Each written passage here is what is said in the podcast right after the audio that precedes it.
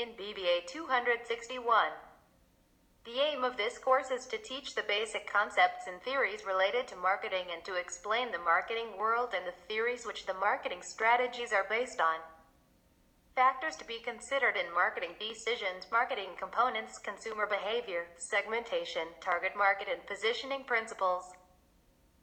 Marketing management in the process of creating a global brand, the necessary technical and skills for strategy development, market research, promotion, and pricing. Theoretical approach is to provide competitive advantage in case studies.